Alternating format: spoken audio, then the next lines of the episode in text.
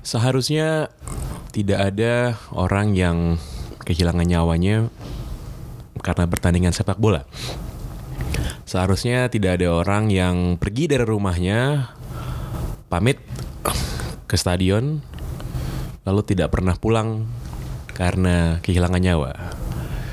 Sepak bola harusnya tidak merenggut hidup siapa pun. Sepak bola harusnya tidak berujung pada kematian. Box to Box sangat berduka cita atas kejadian kelam yang kembali menimpa sepak bola Indonesia.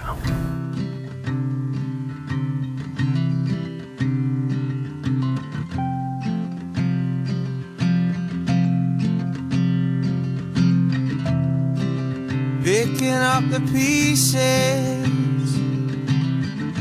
of the wreck you and And I'm dealing with dilemmas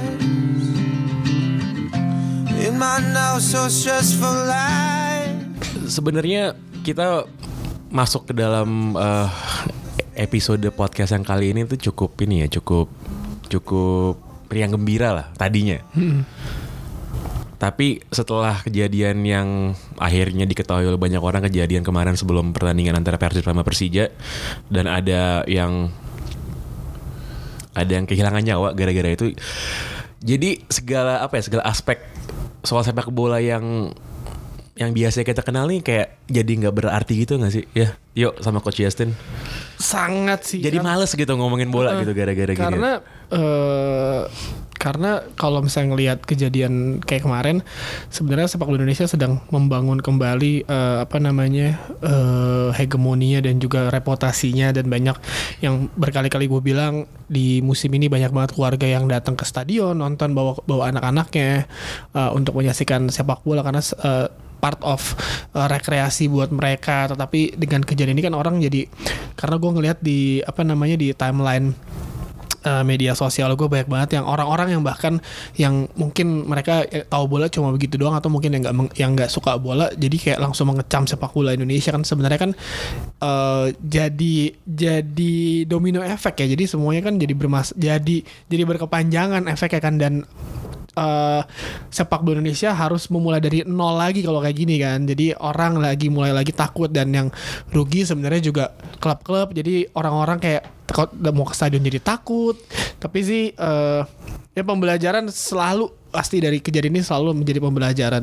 Enggak yang jadi masalah ini kan bukan pertama kali dan definitely bukan terakhir kali. Mungkin tidak terexposure ya, tapi di Jawa Timur gue kebetulan pernah dalam satu grup fans Persebaya, grup WhatsApp dan mereka sering update ini meninggal, ini meninggal. Gue sampai saking eneknya sampai gue keluar dari grup itu. Karena tiap tiap minggu itu ada aja yang meninggal gitu. Dan ini sebagian besar gara-gara sepak bola. Untuk gue this has nothing to do. Gue udah pernah cerita gue dulu di FC Utrecht juga gar. Tapi dulu itu kita bener-bener satu grup lawan satu grup. Dan nggak ada yang pakai pisau atau apa. Tapi kalau seandainya ada yang cedera itu wa- wajar lah. Setahu gue sih belum belum pernah ada yang mati ya.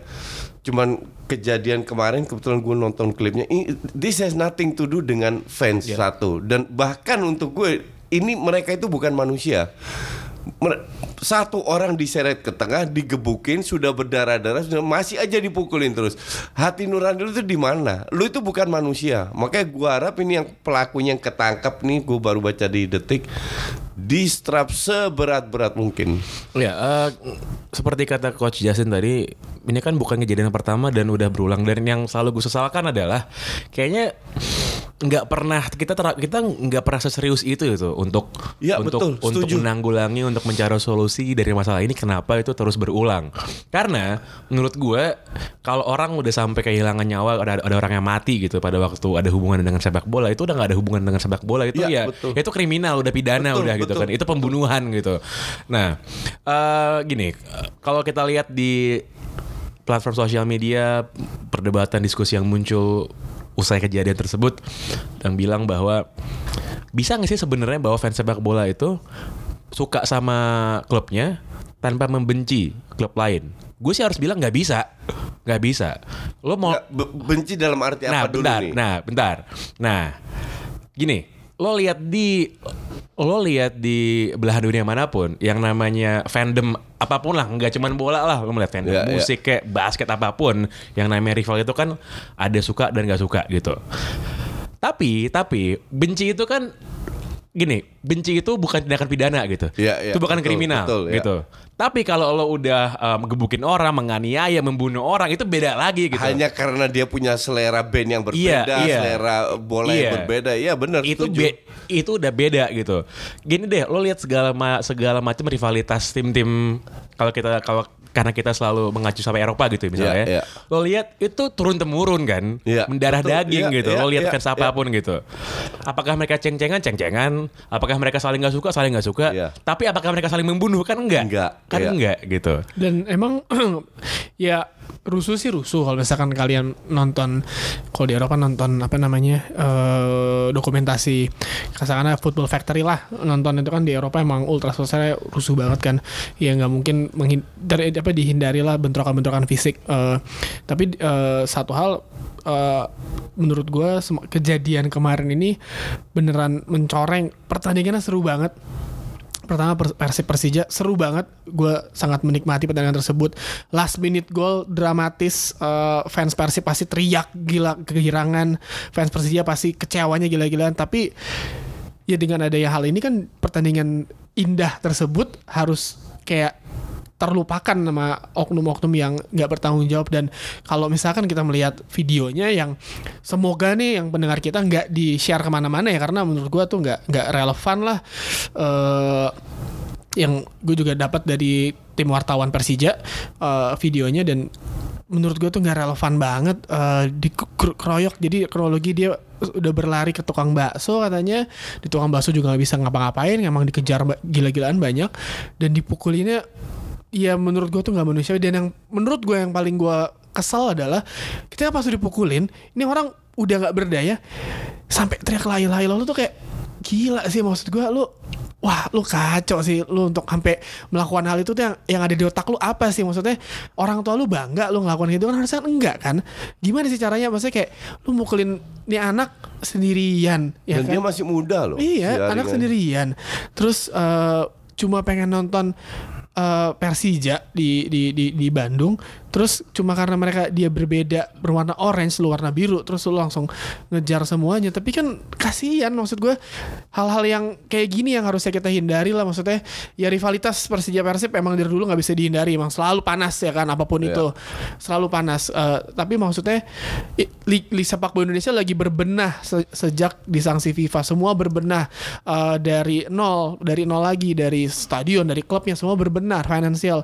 Tapi kalau misalkan kejadian ini selalu terulang dan terulang terulang Bubarin aja Ya semua. gimana maksudnya? Gue gue kemarin baca tweetnya Zen. Zen bilang ini Persija kalau Persija Persija kalau lagi main eh, dikasih poin satu poin aja lah biar nggak usah ketemu biar fair. Jadi biar hal ini nggak kejadian. Iya, iya. Jadi sebenarnya kasihan maksudnya lu melakukan hal itu lu nggak mikirin klubnya juga pasti kena sanksi nggak ya? Kalau kemarin kalau kita ngobrol sama Ian kalau di, di stadion pasti yang kena yang kena panpel dan lain-lain ya kan? Nah, menurut gue ya, ini kenapa berulang terus karena kalaupun dikasih sanksi, sanksi itu nggak pernah seberat itu, sehingga sehingga sehingga ini dianggap sebagai apa ya? Kalau menurut gue banyak banget dari kejadian kekerasan yang berakibat fatal di dalam iklim sepak bola kita itu pada akhirnya cuma dihitung sebagai statistik doang gitu. Oh iya, ada yang meninggal, Iya, ada yang betul, mati gitu. betul, betul. Tapi nggak pernah jadi game changing game changing moment yang membuat semuanya jadi berubah. Enggak sama sekali karena kalau lihat aja udah berapa banyak coba orang yang meninggal gara-gara bertahan sepak Tiap bola gitu. tahun itu ada puluhan. Iya. Selalu ada. Iya,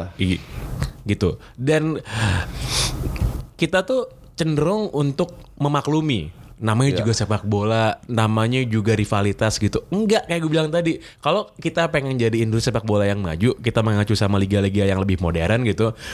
Mereka juga punya rivalitas gitu. Tapi nggak ada tuh orang mati tuh gara-gara sepak bola Iya. tuh nggak ada lah gitu Har- harusnya tuh bukan sesuatu hal yang diwajarkan bukan sesuatu hal yang dimaklumkan gitu Eh, kalau kita lihat FIFA itu kan punya standar pengamanan untuk pertandingan-pertandingan yang high risk Iya. gitu kan. Ada tuh standarnya. Termasuk sebenarnya termasuk soal mekanisme pengawalan supporter. supporter yang Ya. away. Betul. Yang away Betul. gitu. Jadi lo lihat deh, eh lo lihat mau lihat kayak MU atau Liverpool gitu atau jangan MU Liverpool deh, Celtic sama Rangers deh misalnya gitu kan, gitu kan. Gue kasih contoh yang pernah gue mengalami sendiri. Jadi kalau kita dulu fans FC Utrecht away, itu ada paket, kombi paket namanya. Dalam arti satu tiket untuk stadion sama tiket untuk kereta. Nah pada saat di kereta kota ter, let- let's say Jakarta lah masuk Gambir. Nah mereka sampai di Bandung itu sudah ada yang jaga, sudah ada yang kawal. Iya, betul, Jadi betul. khusus sendiri pada saat itu terjadi mereka semua masuk naik bis hal-hal kayak gini nggak nggak akan terjadi cuman apakah iya ada komunikasi atau aturan dari PT Liga dan klub tersebut dan fans klub tersebut gue rasa nggak ada Menurut gua itu memang nggak pernah diaplikasikan dengan niat dan dengan benar sih kayak iya betul setuju kayak yang lo bilang, gue kan pernah beberapa kali lah datang dan nonton yang high risk match gitu kan. Bahkan gue ikutan gitu waktu itu pas yang Inggris sama Jerman di Berlin. Ini lebih parah lagi Inggris sama Jerman. Iya, iya. Gitu. Bener, jadi kayak bener-bener dibikin bubble gitu sama sama polisinya, bikin tiga ring pengamanan, dikawal ke mana-mana. Emang pada akhirnya sih nggak ada yang ini, nggak ada yang berantem, nggak ada yang ribut. Lo bayangin dong, ini Inggris-Inggris semua ya, bener-bener lower social class, lower lower Iya, semua, iya. mabok pula semuanya, mabok pula. Jadi mereka tuh ngancurin bar, ngancurin bar, bener dihancurin di depan muka gue, gitu, dihancurin banting-banting meja, banting-banting gelas, hancur. Tapi yang hancur barnya doang. iya betul Gak ada orang yang nggak ada orang yang disakitin gitu, nggak ada. Dikawal polisi ke stadion, habis itu pulang. Nah, eh kalau kita mau kalau kita mau mengaplikasikan ke dalam ke dalam liga sepak bola kita gitu. Nah, masalah soal safety, masalah soal measurement ini kan sesuatu yang peraturannya ada. Gua, gua sih nggak tahu ya entah apa enggak apakah ini diaplikasikan karena gua lihat beberapa kelompok supporter juga di sini banyak yang mencoba untuk membuat diskursus bahwa harusnya away fans tuh dibolehin. Kenapa? Karena itu kan haknya buat nonton away sebenarnya. dong, betul. Selama ada jaminan pengamanan Iya, kan. iya. Selama ada jaminan pengamanan. Nah, yang ini kan yang nggak pernah untuk ditegakkan. Lalu pertanyaan besar berikutnya adalah, lalu setelah ini apa gitu? iya Who's victimnya siapa lagi Siapa yang bertanggung? Si- Siapa yang akan kira-kira akan kena korban eh, jadi korban lagi? Dan Iya. setelah ini siapa yang tanggung jawab? Gitu, nggak soal ada yang ini? tanggung jawab cuci tangan semua Gitu. Ya terbiasa kita kayak setelah udah kejadian baru mikir siapa yang salah siapa yang benar Ya, nggak ada yang salah yang benar tapi maksudnya kita mesti bersama-sama ngebangunnya lagi dan ngasih ke kan kalau misalkan kita lihat apa namanya eh, kalau misalkan dari eh, penerawangan gua pas lihat videonya itu kan bocah-bocah tanggung ya yang yang melakukan Iya. kekerasan itu kan jadi kan jadi menurut gue yang emosional belum stabil atau apa nggak ada yang ada yang tua juga sih Iya tapi ya lebih parah pasti juga. kan karena terprovokasi dan lain-lain. Terus eh, benar kata Pange, selanjutnya kita ngapain? Selanjutnya apa yang harus kita lakukan? Apa yang harus dilakukan oleh eh, PSSI, PT Liga dan Nah, semua ini, ini yang semuanya? gue harap ada solusi dari mereka. Jadi nggak oh ya turut berduka cita doang, ngerti nggak? Nah, kalau seandainya nggak nggak nggak bisa kasih solusi untuk ini, bubarin aja itu PSSI dan PT Liga. Dan- Karena ini bagian dari sepak bola, sepak bola modern, industri loh. Betul dan dan dan sepenting-pentingnya sepak bola sebanyak-banyaknya uang yang berputar dalam industri sepak bola itu nggak sebanding sama nyawa sih. Betul. Itu nggak Satu sama pun nggak. Betul, ada, setuju. gitu. Nggak ada satu nyawa pun yang sebanding dengan segala ratusan Iya. miliar uang yang bergerak di industri sepak bola gitu.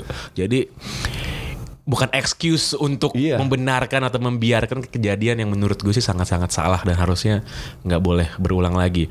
Em, Dan ini kan dapat exposure besar karena kebetulan big match. Iya. Gue dengar ada yang dari fans Persita meninggal juga dan pasti banyak dari Liga 2, 3 dan, lain-lain dan- yang tidak ada eh, yang ter, nggak nggak kena expose oleh media. Dan berita ini sudah sampai ke tim eh, tim gue yang Forward yang di Asia Tenggara yang ibarat yang di Thailand Semo- semoga sampai ke seluruh dunia yang biar semua tahu. Yang Thailandnya udah nanya, yang Myanmar juga udah nanya kenapa akhirnya gue menjelaskan situasinya ke- kepada mereka terus mereka terus mereka kayak oh masih ya, mesti kata masih ya itu Iya, kan iya. kayak uh sepak Indonesia ter selalu kayak gitu deh. Heeh. Nah, eh, untuk penutup, gue cuma mau bilang sekali lagi bahwa eh bagaimanapun kecintaan lo dengan sepak bola gitu, nggak ada orang yang sepatutnya untuk mati, untuk kehilangan nyawanya hanya karena sepak bola. Jadi sepak bola dan kematian itu bukan dua kata yang harus ditaruh dalam kalimat yang sama.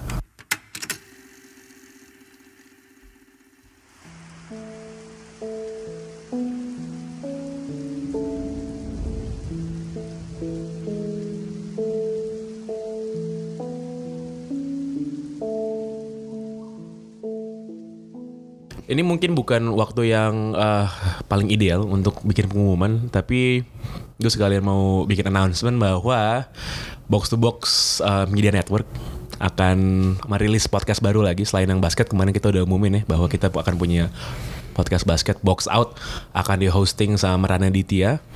Dan nanti di episode perdananya yang akan keluar minggu ini akan ada Amargil bisa lihat di Twitter @amargil dan Paul Palele Itu aka P-double. P-double asik ya tuh. Nah selain box out podcast basket kita, kita juga akan ngerilis podcast khusus soal sepak bola Indonesia. Namanya apa yuk? Umpan tarik. Dan siapa yang hostnya yuk? Saya Tio Tomo, host Nah. Liga 1 di O Channel. Nah nantikan saja eh, box out basket akan merilis minggu ini dan juga umpan tarik podcast dari box to box untuk sepak bola Indonesia. Di Premier League pada minggu ini eh, tim-tim yang bagus pada menang, tim yang nggak bagus seri kebetulan ya. Eh, Wolves seri. Wolves dengan mengejutkan ditahan imbang oleh tim papan tengah Manchester United. Bukan gue yang ngomong ya. Dan akhirnya harus membuktikan bahwa kehadiran uh, Sir Alex membuat tekanan bagi para pemain-pemain dan juga Jose Mourinho mungkin. Itu ya, Sebuah pembelaan. makanya pas gue liat MU mainnya gitu apalagi di babak kedua ini mau bikin Fergie stroke apa gimana gitu kayak gitu. Karena Eh, karena emang kalau misalkan Manchester United dari sejak dulu kalah ya, sejak zaman Ferguson inget ya waktu peresmiannya Sir Alex Ferguson stand ketika Oh, ketika seri. seri. lawan Newcastle ya seri ya. Ket- Ketika ada ketika ada ketika ada suatu seremoni tahu pasti mereka mainnya kusut. Pertandingan terakhir uh, Sir Alex di Old Trafford lawan West Brom aja itu kalau kalau bukan karena referendum kita seri, tapi Seri ak- akhirnya menang. lima lima ya? Iya. Apa empat empat? Eh bukan, bukan bukan West Brom yang terakhir di Swansea atau siapa yang di Old Trafford. Itu pertandingan terakhir aja di Old Trafford butuh waktu lama untuk akhirnya Rio Ferdinand nyetak gol dan pertandingan terakhir lawan West, West Brom ya 5 sama yang Lukaku hat trick kan yang Lukaku bego-begoin si backnya MU jadi seperti ini bukan pembelaan tapi sebuah tradisi kalau lagi ada seremoni pasti MU mainnya kusut lah Mm-mm. Ya dan eh, selesai pertandingan si eh, Jose Mourinho kan bilang ini pemain-pemain United mainnya nggak kayak main di Piala Piala Dunia kayak kayak Wolves gitu. Tapi emang di second half tuh katro sih, katro banget sih. Padahal di babak pertama all out attack menurut gue sangat menarik. Fred Pogba, eh, Marwan tuh di yang berhasil menggantikan posisi Nemanja Matic sih sukses tapi di babak kedua entah kenapa apa yang terjadi ya.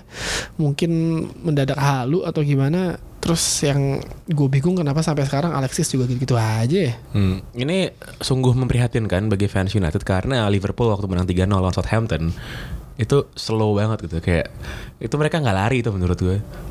Jalan kaki yuk jalan kaki menang 3-0 gitu. Pas di babak kedua kan mainnya udah nyantai aja udah gitu. Udah gitu yang lebih ngeri lagi gitu kan. Selama ini kita lihat Mane Firmino masalah terus Shaqiri dimainin gitu. Mainnya cuma satu babak bola. Iya. tapi gokil sih. Iya, iya gimana Liverpool yang seperti kita bilang, sepertinya Klopp sudah mendapatkan kepingan-kepingan terbaiknya dia yang musim lalu dia butuhkan dan musim ini hasilnya adalah ya menggelegar seperti sekarang. Yo, by the way, dari tadi si kan si Coach Justin nggak ngomong kan lagi diem, dia lagi ngecek. Kayaknya dia lagi ngecek harga tiket Jakarta Singapura pulang pergi kelas bisnis berapa. Enggak, gue lagi menikmati fans MU yang bahas soal Liverpool, yang memuji-muji Liverpool, yang akhirnya realistis menga- mengakui bahwa timnya itu tim di bawah Mourinho itu tim mediocre. Tapi tetap bakal finish di atas Arsenal kalau itu mah Baru. Ya musim. itu itu se- semua orang bebas berpendapat ya kita lihat aja di akhir musim. Ta- tadi kata Bona seperti Persib ya dari ranking 16 pelan-pelan melesat ke atas. Nah Arsenal juga kayak kayak begitu. But um, apa namanya yang yang bikin gue agak heran pemain kayak Fred ini kok tetap dipasang. Eh Fred babak pertama mainnya bagus woi. Oh ya mungkin, mungkin. Cuman kalau over, gue bilang kalau MU tidak ada seorang Matic, mereka asal main, nggak ada yang kontrol bola, nggak ada yang yang mengambil keputusan kapan harus penetrasi atau ke kapan harus organize dulu di di belakang karena Pogba kan tujuannya lebih nyerang. Yang kontrol di belakang itu nggak ada. Menurut gue Pogba tuh selain asisnya kepada Fred ya, itu jelek banget mainnya kemarin. Betul. Kan dia dia selalu naik turun. Terakhir main yang yang boys hebat cetak gol bla bla bla. Habis itu drop. Nggak tahu eh, permasalahan Mourinho dari sejak awal kedatangan Pogba di United adalah gimana cara dia memaksimalkan peran Pogba. Kalau di Juventus eh, Juventus memiliki waktu Pogba main tuh masih ada Andrea Pirlo kan ada Arturo Vidal Ya pemainnya hebat-hebat lah kasarnya yang begitu. yang bisa nge-cover pergerakannya Pogba. Tapi Pogba di United sih Mourinho kayak bingung gitu lo mau gue taruh di mana sih? Di depan di belakang?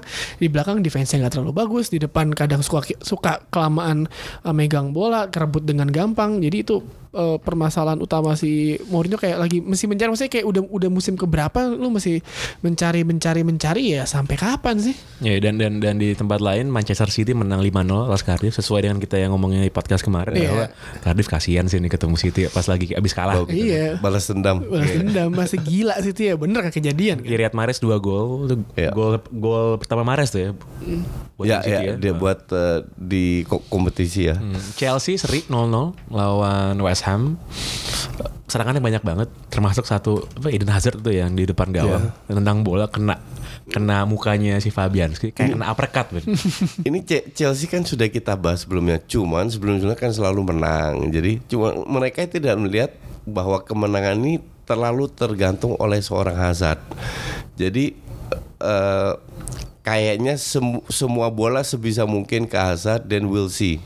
Dan gue bilang ini ini awal di mana Chelsea akan kehilangan banyak poin pada saat Hazard nggak nggak perform. You cannot rely on Giroud maupun Tapi Hazard akan perform minggu depan ya, karena Oke. mereka akan ketemu Liverpool. Yes dan dan habis itu tiba-tiba Ross Barkley juga nyetak gol ya kan Barkley hampir nyetak gol, hampir nyetak gol semalam. dan Ross- Lon Evro nyetak gol demi Everton langsung megang-megang badge Once sebelum, always sebelum. Ross Barkley itu untuk untuk gue pemain yang terlalu over value. Dia, dia, dia layaknya main di Stoke City atau di Fulham gitu, nggak layak main di klub sebesar Arsenal Chelsea. dulu ngincer dia juga Arsenal Siapa nggak nggak pernah. Arsenal menang ya 2-0 ya. Arsenal alhamdulillah menang lah. Oh ya tolong bahas itu. ya silakan coach. Arsenal menang ya gue bilang sih wajar ya. Karena dari sisi permainan Everton tidak parkir base. Everton benar-benar punya niat untuk ke maju ke depan. Berapa kali mempersulit Arsenal sehingga untuk pemain mediocre Arsenal ini lebih gampang bermain. Lo, karena eh, lo bahkan mengakui bahwa Arsenal pemainnya mediocre. Oh iya, jelas. Sebagian besar mediocre kan warisan dari Wenger. Yang dibelikan cuma segeli- segelintir yang yang yang bagus cuma 4 45 lah. Dan Mkhitaryan nggak dipasang lagi nih Emery gue kadang-kadang agak aneh juga. Eh, jelas-jelas pada saat Emery of sorry Miki tidak dipasang hanya Özil kreativitas itu kurang Rem, Ramsey kemarin main starting nah ini pemain benar-benar sampahnya minta ampun untuk gue? Rainbow. Ramsey, ya. Jangan bahas lebih dalam dulu mengenai Mkhitaryan nanti kita akan ngomongin lebih dalam di segmen 3. Namun gue mau pindah lagi ke liga lain dulu sekarang. Barcelona Barcelona menang ya? Barcelona seri Eh seri, seri lawan Girona. Seri karena menit 35 ti- tiga Kartu merah ya, Clement Lenglet kartu ya? merah. Untuk gue itu bukan alasan. Ini makanya gue gue kemarin kayaknya pertama kali di Twitter gue bikin hashtag Valverde out. Tapi emang Valverde semenjak dia menangani Barcelona seperti Barcelona terlihat bermain kurang atraktif, atraktif Iya, di betul. sebelum sebelumnya dan apa namanya eh, ba- lo dengan dengan komposisi pemain yang dimiliki sekarang seharusnya kan dia punya apa namanya punya elegan ataupun punya kekuatan tersendiri yang dimiliki oleh pemain Ya. ya sekarang gini deh segampang kayak misalkan dulu Arsene Wenger punya Emmanuel Petit, Patrick Vieira, eh, Thierry Henry, terus punya Anelka atau siapalah itu dibiarin main bebas, jago kan? Sebenarnya kayak gitu kan. Ini kan sebenarnya kan segampang lu punya Lionel Messi, lu punya eh, Coutinho, Dembele, Suarez. Coutinho, Suarez, eh, kesayangannya coach Sergio Busquets, ya kan, Gerard Pique. Sekarang Arthur ada. Coach, Iya. menurut lo setelah Pep Guardiola dari semua pelatihnya Barcelona dari Tito Villanova, Tata Martino, Luis Enrique, sekarang Valverde, yang paling atraktif mainnya yang mana? Nggak ada. Yang paling atraktif salah satu lah The, pasti the- ada. the best among the worst. Ah, eh masih di bawah Tito sih kalau gue bilang. Karena kalau pas dari Pep ke Tito sebenarnya kan nggak Iya, beda jauh karena iya, dia juga iya, asistennya iya, juga iya, kan. betul. Ka- Kalau kalau kalau yang lain En- Enrico untuk gue is a big joke. Kalau lu lihat lihat eh, apa namanya statistiknya ya, bomnya serangan dari sayap kanan itu nyaris nggak pernah ada di bawah Enrique. Dan sekarang Va- Valverde dia dia itu ibarat ke- kalau gue ngelihat mau bikin tim hebat kayak kayak mau di di MU tim dunia dibikin mediocre. Nah ini yang terjadi dengan Va- Valverde di mana mereka punya kualitas pemain untuk menyerang tapi bermain lebih bertahan. Lu bayangin pasang di pemain tengah Arthur, Busquets, Vidal yang kemarin bermain sejajar. Jadi kemarin itu bermain benar-benar dengan dua blok. Blok bertahan dan blok menyerang. Nggak ada bridging linknya kayak dulu zamannya Xavi Iniesta padahal Arthur Vidal bisa bermain di depan Busquets dan itu nggak terjadi untuk gue gue tahu Girona main selalu mempersulit, selalu main bagus. Cuman kemarin harusnya lu kalau Coutinho masuk di babak sampai 33 menit sampai itu minimal 2-3-0 bisa. Ya mungkin itu Valverde eh, David Moyes berkedok eh, Valverde kali Iya, ya di Barcelona. Hmm, kita beralih ke liga lain di Serie A. Juventus gue udah senang tuh. Sampai menit 80 belum bikin gol. Iya. Gitu kan gue. Lah. Tahan nih, ketahan nih. Terus menit 81. Ini namanya kalau dulu kalau yang selalu ditulis di bola zaman dulu Lo Spirito Juve gitu. Semangatnya Juve, Grinta. Iya. Em, Untuk itulah dia dia membeli yang namanya Cristiano Ronaldo. Di eh, si pemain yang bisa memecah kebuntuan yang yang ya itu itu itu kan tipikal Ronaldo sejak dia memulai debutnya di Premier League kan sama Iya, United iya. dia masuk lawan Bolton memecah kebuntuan Real Madrid juga selalu menjadi eh, eh, pemecah kebuntuan juga dan sekarang dia bertugas sebagai itu di Juventus dan mungkin ini adalah jawaban dari setelah dia dapat kartu merah gue kasih kayak Ronaldo nih gue kasih kado loh Hmm, ya gitu. sebenarnya sih bukan salahnya Juventus ya kalau mereka sangat jago di liga aja gitu. Salahnya Klub lainnya. klub lainnya Ya, kenapa setuju. begitu begitu payahnya gitu. Paling dekat kan ya paling bisa diharapin Napoli lah. Roma kemarin kebetulan gue sama Tio kita kemarin Iya, hosting tapi ini ya. ngomongin Juve kemarin akhirnya si Allegri memainkan Dybala sama si Ronaldo barengan di depan dan Ronaldo Mandzukic duet di depan tuh menurut gue sebuah formasi yang yang yang Jalan nggak kemarin Ronaldo sama sama Iya sampai akhirnya di ya dengan statistik yang dilihat sih semuanya sih berjalan sesuai rencana tapi gol akhirnya datang di menit akhir sih. Lawannya ranking 19 atau 20. Frosinone. Iya kan? Iya, iya. Paling bawah kan? Roma kalah 2-0 lawan tim yang sebelum ketemu Roma nggak pernah pernah bikin gol. gol, Nggak pernah dan- bikin gol. Roma ini hancur musim ini. Dan, dan Serius, dan hancur. Kemarin gue pas lagi siaran pakai pernah dibahas kayak ini di awal-awal musim Roma tuh beli pemain eh, kayak tipenya menyerang menyerang Justin Kluivert terus dia eh, dan lain-lain tapi sepertinya dilupa untuk memperkuat pertahanan. Ini yang yang dilakukan oleh Manchester City di musim lalu kan beli baik banyak banget Iya. karena dia tahu permasalahan di itu dan sukses. Nih Roma lawan Bolonya yang benar kata Pak belum pernah nyetak gol.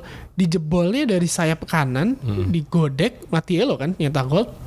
Dan di babak kedua menurut gua forma eh, strategi yang terapkan nama Inzaghi itu brilian sih.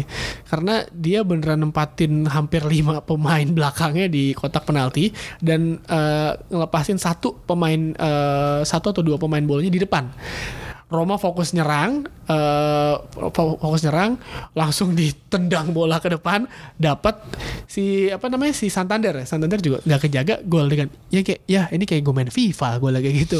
Jadi ya banyak PR yang ya Roma ada akhirnya lawan Kievo 2 sama Madrid dibantai 0-3 dan akhirnya kalau 0-2 ini jadi kayak pertanyaan nih sebenarnya lawan Madrid juga kalah. Iya 3-0. Dan ka- kalau kalau gue gue lihat bukan masalah pertahanan tapi eh, lini tengah itu kehilangan Strootman sama Nainggolan tuh kerasa banget, bener-bener kerasa banget dan lu nggak bisa bukan nggak bisa, sangat sulit untuk mendatangkan 7 8 9 pemain baru tiba-tiba suruh tune in. Itu si si Di Francesco ya pelatnya. iya sih dan, Ya kan kan coba-coba berapa strategi tiga emp- lima dua lah empat tiga tiga 4-3-3. lah jadi dia masih belum dapat dan kalau gue melihat lini tengahnya lu nggak bisa ngandelin Daniel De Rossi Nah, doang. kenapa dia akhirnya membeli si Nzonzi kan harusnya kan kayak kemarin tuh ada satu scene di mana eh, apa si De Rossi pas di kontak sama bolanya dia lari ke belakang sendirian ngeliat kiri kanan ini temen gue pada Ke mana? ke mana, Iya. jadi kayak dan De Rossi udah gak muda lagi kan Jadi kekompakan itu juga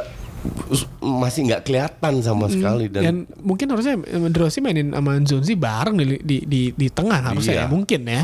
Tapi kan pelatih mungkin lebih mengerti apa yang dia milik, yang dia mau sama tim Iya, yang dan, dan, butuhkan. dan kalau lo lihat sekarang ya klasmen ya, baru 5 pertandingan di Serie A. Juventus 15 poin, Napoli 12 poin, Fiorentina 10 poin, Sassuolo 10 poin, Inter itu 7 poin, Milan 5 poin eh, dan Roma 5 poin. Memang masih lama sih liganya gitu. Cuman sih eh for the sake of competitiveness gitu kan gue harapkan Napoli tuh jangan drop poin lah gitu kalau nanti akhirnya juara Juve juga gue juga nggak peduli sih sebenarnya Iya, kan iya. Tapi gitu. fight lah ya. Cuman iya iya gitu kayak dan dan next week next week yang ketemu Juventus lawan Napoli. Napoli. Gitu.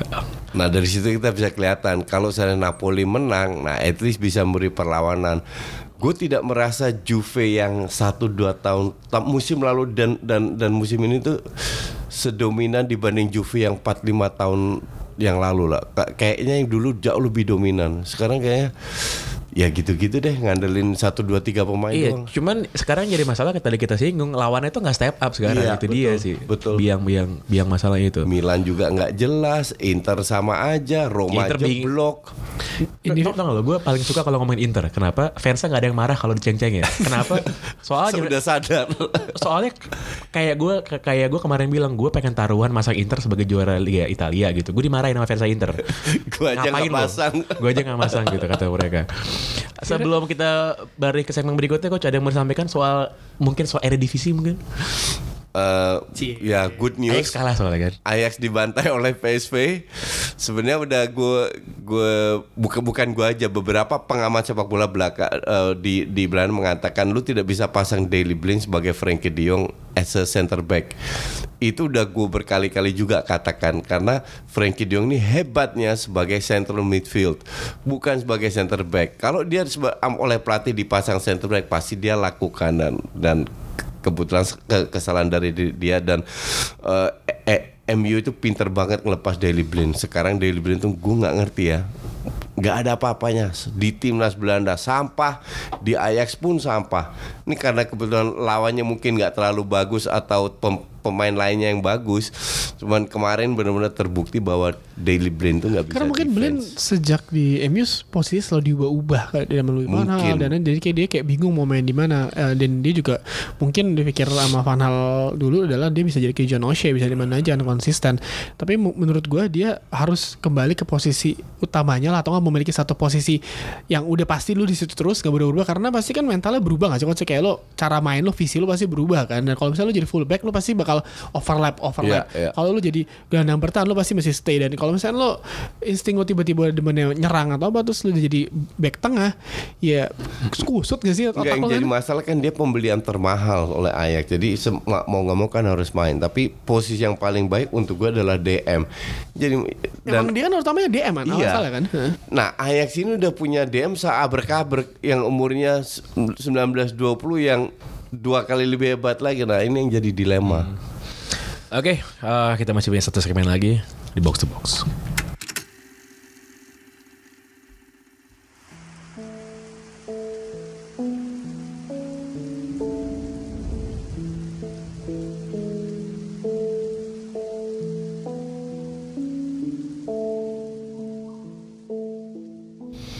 Kebetulan hari ini ini suara gue lagi pilek ya jadi lagi berat yuk.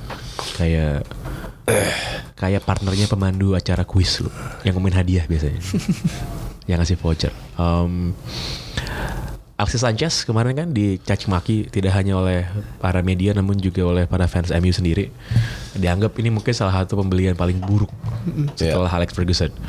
Eh, setelah eranya Alex Ferguson gitu. Karena Sanchez emang bener-bener beda sama Alexis Sanchez yang dulu pas di Arsenal. Namun yang pengen gue telah lebih lanjut adalah Sanchez ke United, Mkhitaryan ke Arsenal tuh kan bener-bener tukar guling kan, bener-bener Iya, kayak iya, swap iya, trade iya, gitu. iya. Siapa lebih untung sebenarnya Kalau gue bilang Arsenal lebih di, diuntungkan karena di Arsenal pun Alexis Sanchez di atas lapangan oke bagus. Tapi he has a bad attitude sampai nggak ada perpisahan nggak ada satu foto yang apa. Jadi Re- Rem, Ramsey pun pernah bilang kalau nggak salah mereka beruntung lah nggak nggak ada Alexis Sanchez lagi. Jadi da- da- dari sisi itu eh, apa namanya em, Arsenal beruntung Sa- Sanchez pindah untuk mendapatkan Miki dan Miki untuk gue salah satu pemain penting buat Arsenal. Ini Emery aja takut-takut untuk pasang dia every match padahal pada saat dia masuk lini tengah dan Özil pun secara tidak langsung keangkat karena bebannya tidak hanya di Özil. Dan yang lebih nyebelin lagi soal Alexis adalah gajinya tuh mahal banget. Iya, Semahal itu betul. sih. 350 kalau nggak salah. Lebih kayaknya. Per week, per week. Segitu deh, segitu deh, segitu deh. Sekitar Karena segitu, dia iya. le- lebih tinggi dari eh lebih dari Pogba kan ya. Dia salah satu yang paling tinggi se, se, Iya, se-Inggris gaji. betul. Iya.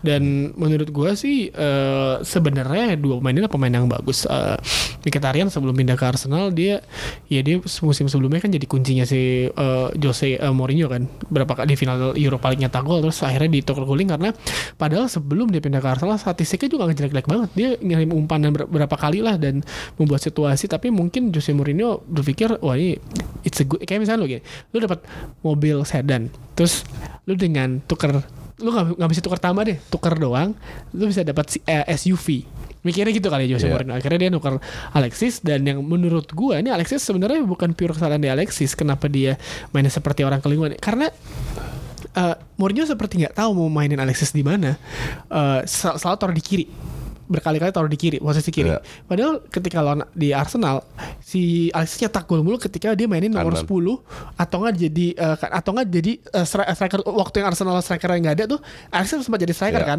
dan Iya. itu kan dia produktif kan dan Di itu dia- Barca juga begitu Iya, sebagai dan- sayap kanan. dan itu dan dan sepertinya Mourinho seperti mencoba mencoba karena di kanan situ udah pasti tempatnya kalau nggak Juan Mata lah eh, dia pasti nempatin si Rashford atau Jesse Lingard kan itu doang dan dia memaksakan Alexis di di kiri karena kita tahu umpan-umpan Alexis ke depan tuh emang bagus. Berapa kali ke Pogba ke Lukaku juga eh, aduhai sih umpan tapi dari dari semenjak dia datang Alexis datang tengah musim lalu ya menurut gue yang paling mencolok buat dia tuh bukan performanya offense sih tapi defense sih. Dia doang yang track back soalnya tuh ber track back bener Iya. diikutin Iya, gitu iya. diikutin gitu. Dan menurut gue sih kalau dulu ada bercandaan nih kayak ntar Alexis bakal dijadiin fullback sama Mourinho sejauh ini sih permainannya ya menurut gue emang lebih cocok jadi fullback sih kayaknya sekarang ya Kayak kalau misalkan si Luke Shaw Alexis nggak bisa main itu Alexis bisa jadi fullback deh. Soalnya beneran kayak misalnya pas lawan Liverpool yang menang 2-1 ya menang Iya, yang- yang di Old dua, Trafford ya. yang dua gol Uh, Rashford tuh. uh. Itu penampilan Alexis secara defensif ya. Itu luar biasa menurut gue. Diikutin semua track back. Tapi se- secara eh, secara defensif untuk ngepres pemain lawan yang megang bola di pertahanan mereka itu bagus banget. Iya. Tapi untuk menyerang that's another case buat gue. Iya kalau gue kalau jadi pelatih MU ya, gue akan memainkan empat empat tiga tiga, empat oke lah fix. Tiga di depan gue akan mainkan Rashford kiri, Lukaku, Sanchez kanan. Di tengah gue akan mainkan Pogba, Mata dan Matic. Pemain kayak Lingard untuk gue nggak ada value, terlalu posisinya apa juga nggak jelas. Dan untuk gue Mata itu pemain tengah, bukan pemain sayap yang selalu dimainkan. Karena dia yang- nggak punya yang masuk pace ke soalnya. dalam. Nggak punya pace. Karena dia karena dia nggak punya pace Nggak, saya. ka- kalau dia nggak punya pace kan bisa di backup juga sama sama Matis maka dari kalau dia nggak punya pace kenapa ditaruh di di, Nah di sayap? si Mourinho tuh pernah ditanya sama wartawan kenapa dia selalu mainin mata uh, Jesse Lingard dan kenapa Alex Ferguson punya harapan tinggi ke Jesse Lingard dia work rate-nya tinggi. Dia kalau misalkan sama kayak Danny Welbeck orang kayak kenapa, kenapa sih Danny Welbeck main mulu? Tapi Danny Welbeck kalau bermain dia bermain untuk tim. Dia dia nggak peduli posisi taruh di mana yang penting dia main. Dan Jesse Lingard juga gitu. Kalau misalkan disuruh closing down dia closing down. Bener kayak waktu Arsenal yang akhirnya MU menang di Emirates itu semua dari Jesse Lingard yang dia ngepres satu pemain gelagapan kayak gitu. Dan dan sebenarnya itu yang juga dilakukan sama si Gareth Southgate sama Jesse Lingard di ini kan. Jesse Lingard tuh aslinya sayap loh itu. sayap. Iya. sayap, Aslinya sayap kiri. Heeh, tapi ya sebenarnya mungkin adalah salah satu alasan si Mourinho untuk melepas Miki eh, tukar Alexis. Mungkin adalah salah satunya ada memprovide posisi buat Jesse Lingard. Karena kan eh, dia juga as, apa namanya asli a- ak- Akademi United. Dan mungkin Mourinho ngeliat oh yaudah Mkhitaryan ke Arsenal mungkin lebih cocok kali dan set- setelah gue melihat itu ya setelah yang menarik adalah setelah si Miki pindah ke Arsenal hubungannya Mourinho sama Mino Raiola tuh agak-agak agak-agak agak-agak bumbu-bumbu tuh udah mulai agak udah mulai Emang ka- kalau Mourinho sama Mino nggak terlalu dekat. Iya udah udah agak bumbu-bumbu tuh terus eh, dan pas Miki main di Arsenal gue ngeliat kayak ini ini yang eh, Wenger bisa dimainin Miki nih. Terus eh, dan harusnya di bahwa Una Unai Emery musim ini dia bisa lebih lebih berkembang kan karena dengan dengan skema yang sekarang kan yang lu tahu coach ya si Arsenal lebih attack dan press high press juga Iya, kan. iya, iya, Miki iya, sebenarnya bisa iya. banget kan. banget, Heeh. banget. Dan ini kenapa ya, per- pertanyaan gue kenapa dia nggak per- nggak kayak belum mendapatkan kepercayaan Emery lah. Hmm. Ya udah Dia, nah. dia sering main cuma sebagai subs Iya itu dia. Ja- ja- jarang sebagai sub starter dan untuk gue itu bullshit lah apa, apa- apalagi kalau Ramsey yang gantiin aduh pemain sampah itu Ramsey asli Rainbow. Jadi kalau dibikin rankingnya lebih untungan mana United dapat Sanchez atau Arsenal dapat Mkhitaryan Arsenal lebih lebih untung untung Arsenal Iya, ya. Arsenal. Udahlah itu akhir dari eh, box to box untuk edisi kali ini. Ini kita lagi malas bercanda ya hari ini soalnya lagi nggak enak moodnya nih gara-gara kemarin. Em, Oke jangan lupa sekali lagi minggu ini kita akan ngerilis podcast baru dari box to box eh, box out yang di hosting sama Raditya dan juga umpan tarik nanti akan juga dirilis secepatnya. Sampai jumpa hari Jumat. Bye bye.